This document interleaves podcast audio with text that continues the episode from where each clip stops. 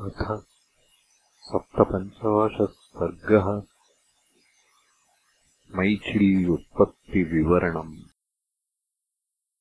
ताम् श्रुत्वा दिव्यसङ्काशाम् कथाम् अद्भुतदर्शनाम्। लक्ष्मणः परमप्रीतो राघवम् वाक्यमब्रवीत्।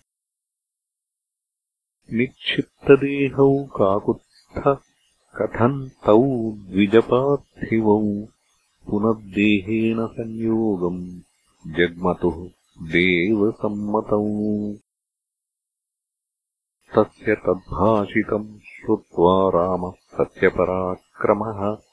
ताम् कथाम् कथयामास वसिष्ठस्य महात्मनः। यस्तु कुम्भोरघुश्रेष्ठतेजः पूर्णो महात्मनोः तस्मिंस्तेजोमयौ विप्रौ सम्भूतौ ऋषिसत्तमौ। पूर्वम् समभवत्तत्र ह्यगस्त्यो भगवान् ऋषिः। नाहम् सुतस्तवेत्युक्त्वा मित्रम् तस्मादपाक्रमत्। तद्धि तेजस्तु मित्रस्य ऊर्वश्याः पूर्वमाहितम् तस्मिन् समभवत् कुम्भे तत्तेजो यत्र वारुणम्। कस्यचित्त्वधकालस्य मित्रावरुणसम्भवः वसिष्ठस्तेजसा युक्तो जज्ञे चेक्ष्वाकुदैवतम्। तमिक्ष्वाकुर्महातेजा जातमात्रम् अनिन्दितम्। वव्रे पुरोहितम् सौम्य वंशस्यास्य भवायनः एवम् त्वपूर्वदेहस्य वसिष्ठस्य महात्मनः कथितो निर्गमः सौम्यनिमेः शृणु यथाभवत् दृष्ट्वा विदेहम् राजानम् ऋषयः सर्व एव ते तम् ततो योजयामासुः यागदीक्षाम् मनीषिणः पञ्चदेहम् नरेन्द्रस्य रक्षन्ति स्म द्विजोत्तमाः गन्धैर्माल्यैश्च वस्त्रैश्च पौरभृत्यसमन्विताः।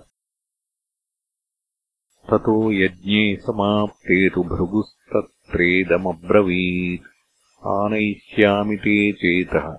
तुष्टोऽस्मि तव पार्थिव सुप्रीताश्च सुराः सर्वे निमेश्चेतस्तथा ब्रुवन्। वरम् वरय राजर्षे क्वते चेतो निरूप्यताम्। एवमुक्तः सुरैः सर्वैः निमेश्चेतस्तदाब्रवीत् नेत्रेषु सर्वभूतानाम् वसेयम् सुरसत्तमाः। बाढमित्येव विबुधा निमेश्चेतस्तदा ब्रुवन् नेत्रेषु सर्वभूतानाम् वायुभूतश्चरिष्यसि। सत्कृते च निमिष्यन्ति चक्षूंषि पृथिवीपते वायुभूतेन चरता विश्रमार्थम् मुहुर्मुहुः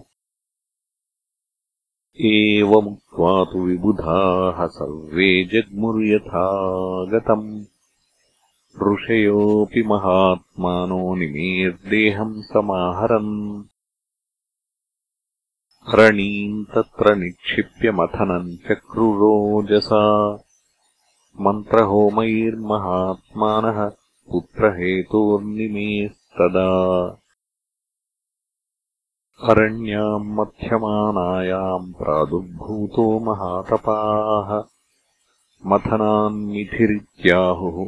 मथनान्निथिरित्याहुः जननाज्जनकोऽभवत् यस्माद्विदेहात् सम्भूतो वैदेहस्तु ततः स्मृतः।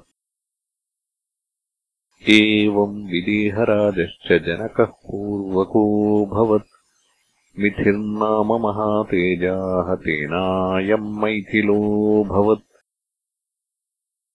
इति सर्वमशेषतो मया कथितम् सम्भवकारणम् तु सौम्य। नृपपुङ्गवशापजम् द्विजस्य द्विजशापाच्च यदद्भुतम् नृपस्य। इत्यार्षे श्रीमद् रामायणे वाल्मीकीये आदिकाव्ये उत्तरकाण्डे सप्तपञ्चाशः सर्गः